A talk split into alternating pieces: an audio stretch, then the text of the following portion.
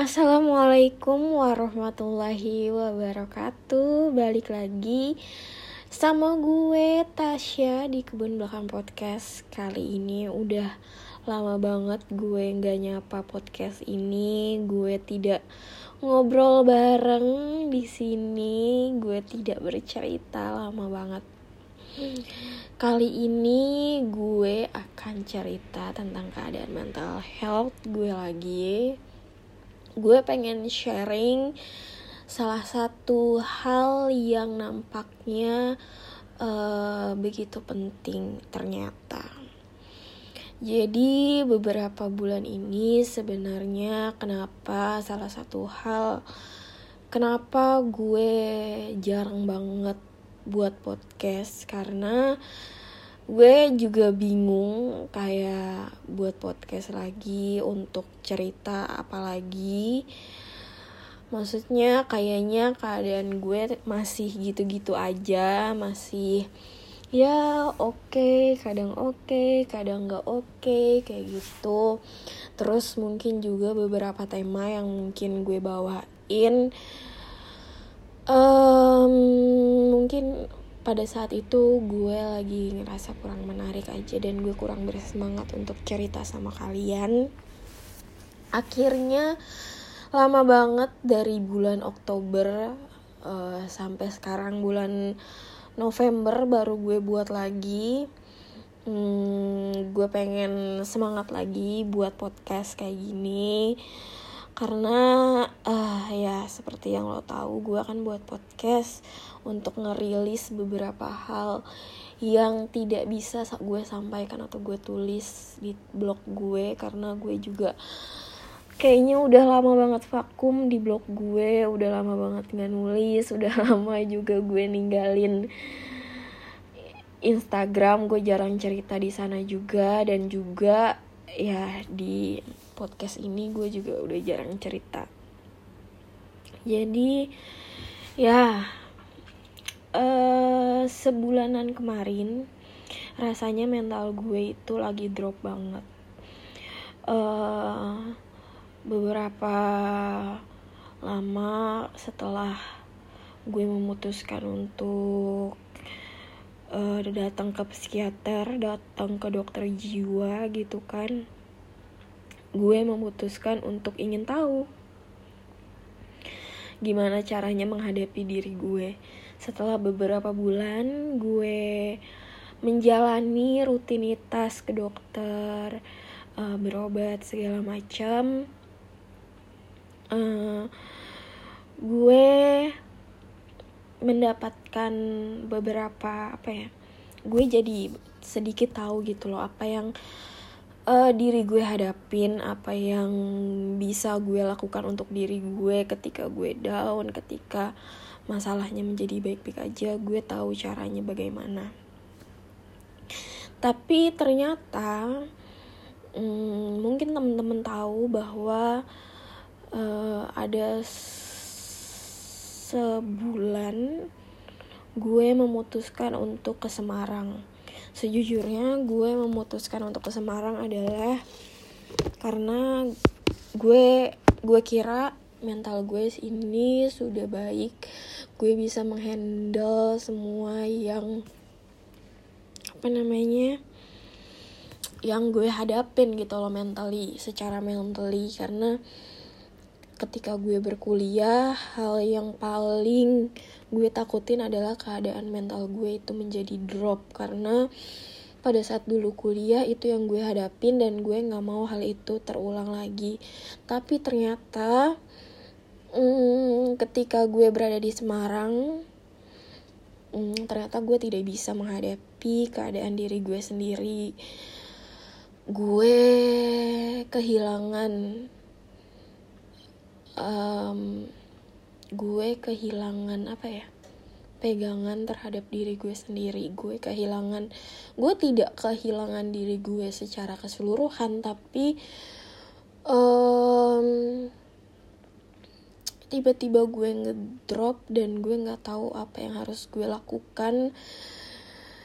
Sampai akhirnya gue memutuskan untuk balik lagi ke Bogor.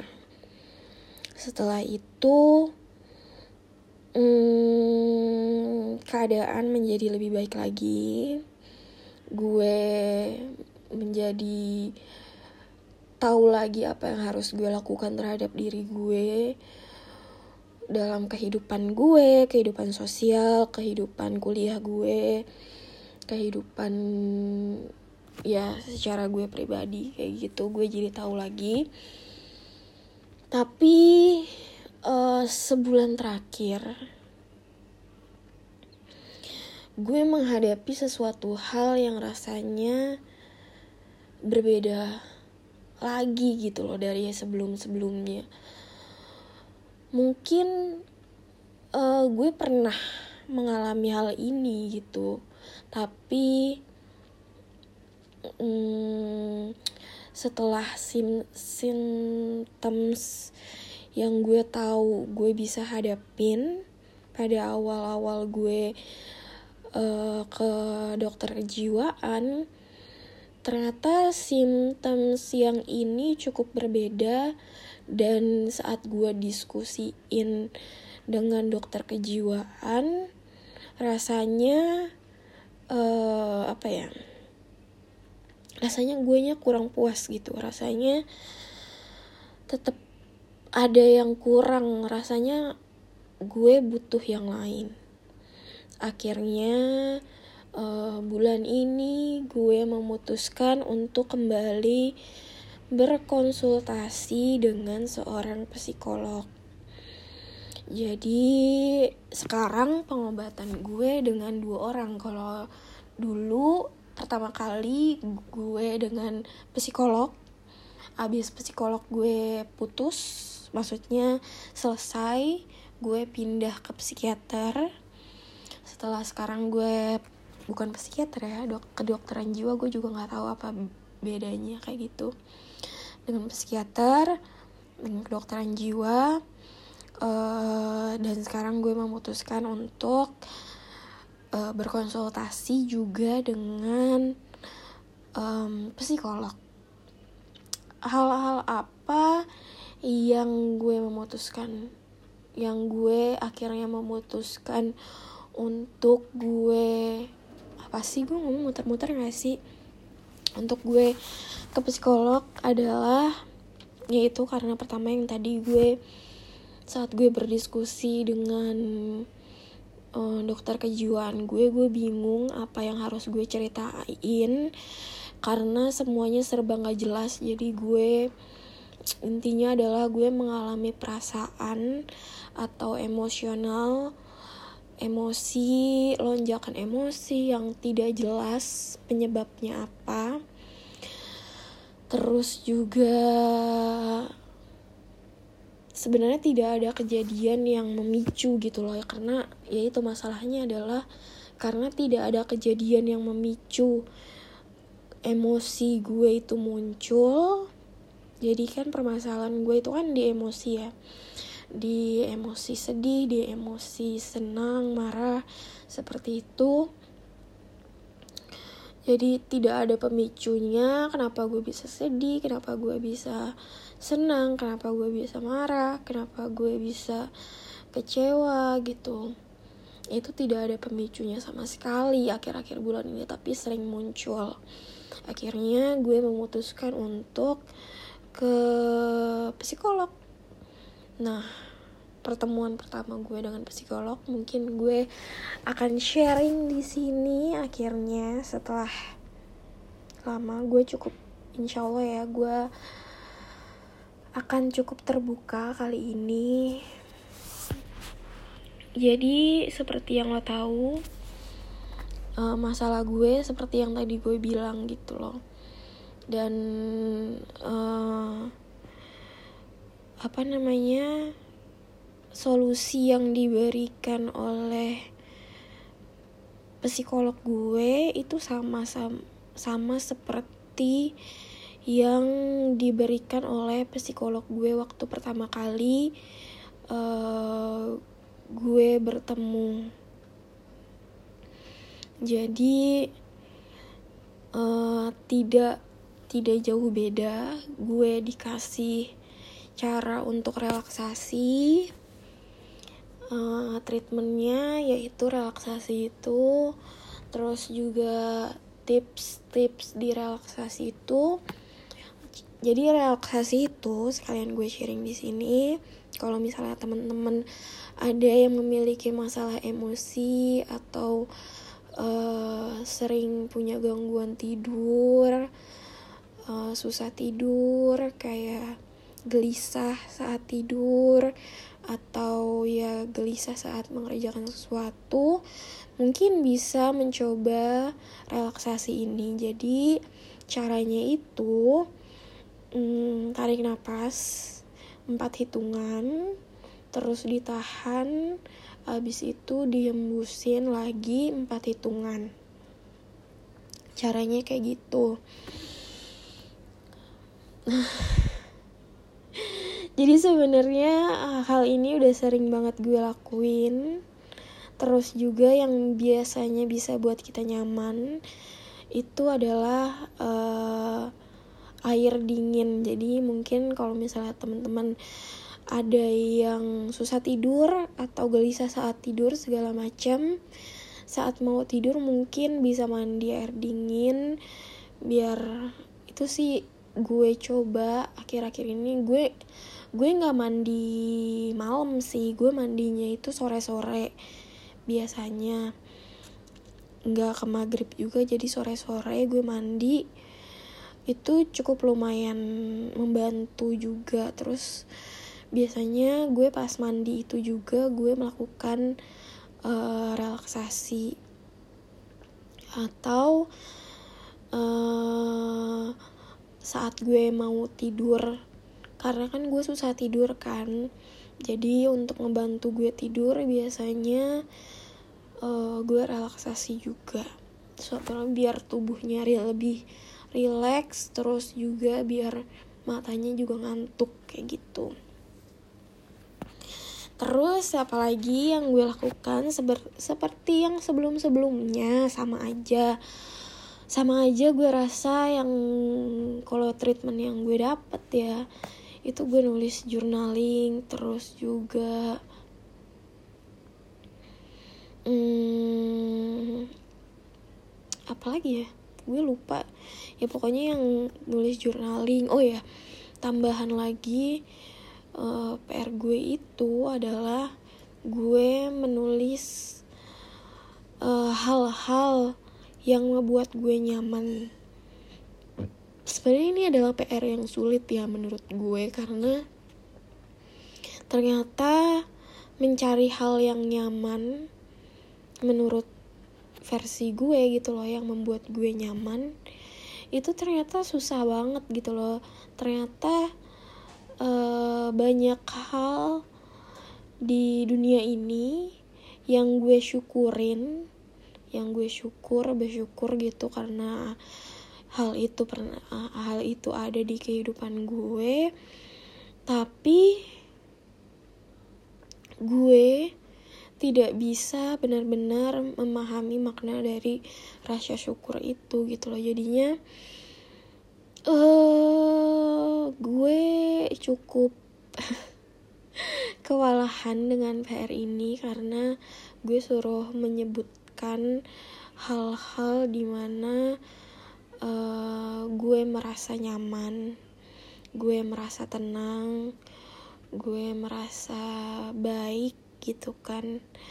Tapi ternyata banyak dari itu yang susah banget gue sebutin karena kayak hmm, ternyata banyak hal yang gue lakuin itu tidak membuat gue nyaman Iya gak sih? Lu, lu, lu pernah gak sih ngerasa kayak gitu? Kayak um, kita melakukan banyak banget kegiatan setiap hari Tapi gak semua kegiatan yang kita lakuin setiap hari itu hal yang menyenangkan untuk kita gitu loh Sama halnya kayak misalnya gue saat ini disuruh nulis hal-hal yang membuat gue nyaman uh, untuk gue lakuin. Dan itu susah banget gue sebutin karena ya ternyata setiap hari gue tidak melakukan hal-hal yang membuat gue nyaman. Mungkin teman-teman bisa koreksi uh, diri teman-teman masing-masing gitu loh karena hmm, ternyata self love membuat mencintai diri kita sendiri itu adalah hal yang mudah sebenarnya. Tapi kalau diteliti-teliti lagi. Dari hal sederhana apa yang kita lakukan setiap hari aja. Itu tuh banyak hal yang enggak kita suka. Misalnya contoh ya pekerjaan. Gue kuliah setiap hari. I think gue pikir gue tuh enjoy banget pada saat gue kuliah. Pada saat gue ketemu dosen saat gue ketemu temen-temen ngeliat dapat materi segala macem. Gue pikir gue pikir seperti itu. Tapi nyatanya ada dosen yang tidak menyenangkan. Ada juga banyak temen yang tidak semenyenangkan yang gue pikirkan gitu loh. Dan banyak juga materi yang hmm, sepertinya tidak semenarik yang gue bayangkan. Jadinya um, gue sedikit mungkin sedikit memaksa diri gue sendiri untuk bisa menyukai uh, melakukan tapi tapi gini ya tapi juga kalau misalnya kita tidak memaksa diri kita rasanya semua hal yang kita lakuin sama diri kita itu tidak menyenangkan. Kalau kita nggak maksa diri kita kita nggak akan melakukan sesuatu ya nggak sih? Jadi kayak mungkin rasanya aneh gitu. Kayak harusnya lo tuh bisa ngelakuin apa pun sebisa lo dan hal itu harus yang lo sukain. Karena orang-orang terlalu idealis dengan dirinya bahwa gue nggak tahu ini idealis atau memang harus begitu gitu loh karena hmm, ya yang gue dapat dari psikolog gue gue harus mencatat hal-hal yang menyenangkan yang membuat gue nyaman gitu loh tapi di kegiatan sehari-hari gue ternyata banyak hal yang tidak membuat gue nyaman. Tapi di sisi lain, memang inilah kehidupan yang gak sih? Banyak hal yang ngebuat diri kita tuh tidak nyaman dan kita harus bisa ngejalanin itu. Dan ya kenyamanan tuh cuman bayangan aja kadang gue mikir kayak gitu loh kayak rasa nyaman itu cuman bisa dibayangkan tapi untuk kenyataannya tuh susah banget mungkin um, tugas dari psikolog gue gue harus benar-benar membayangkan dan sedikit berharap hal itu bisa jadi kenyataan. Mungkin seperti itu. Kalau menurut kalian bagaimana? Hari ini gue kuliah gue kira dua mata kuliah. Tapi ternyata cuma satu mata kuliah dikarenakan gue nggak tahu. Tapi yang kuliah pagi padahal gue udah bangun dari jam 7 pagi tapi cuman absen doang. Terus gue kuliah juga sore. Sebenarnya kuliah gue tuh kayak agak males gitu karena gue nya yang males ya karena rata-rata itu kuliahnya sore. Sebenarnya gue nggak apa-apa make sense. Kalau sore itu jam 4 sampai jam 6 itu tuh gue masih nggak apa-apa. Tapi kalau misalnya kayak waktu-waktu maghrib kayak gitu itu tuh gue yang agak males sih sebenarnya kalau waktu-waktu maghrib maghrib isa kan kalau sejam itu kan maghrib ke isa dan itu tuh ganggu waktu makan gue keluarga. Karena biasanya gue makan bareng keluarga jam segitu. Terus juga sholat jamaah kan bareng sekeluarga. Jadinya hmm agak sedih. Ada beberapa mata kuliah yang uh, ada di maghrib jam-jam maghrib. Jadinya sedikit gak sedikit sih sangat mengganggu. So ya di masa pandemi kayak gini walaupun uh, sudah sedikit mereda tapi jangan pernah kendor uh, apa protokol kesehatannya tetap jaga kesehatannya jaga tidurnya jaga makannya uh, tetap sehat-sehat tetap semangat. Jangan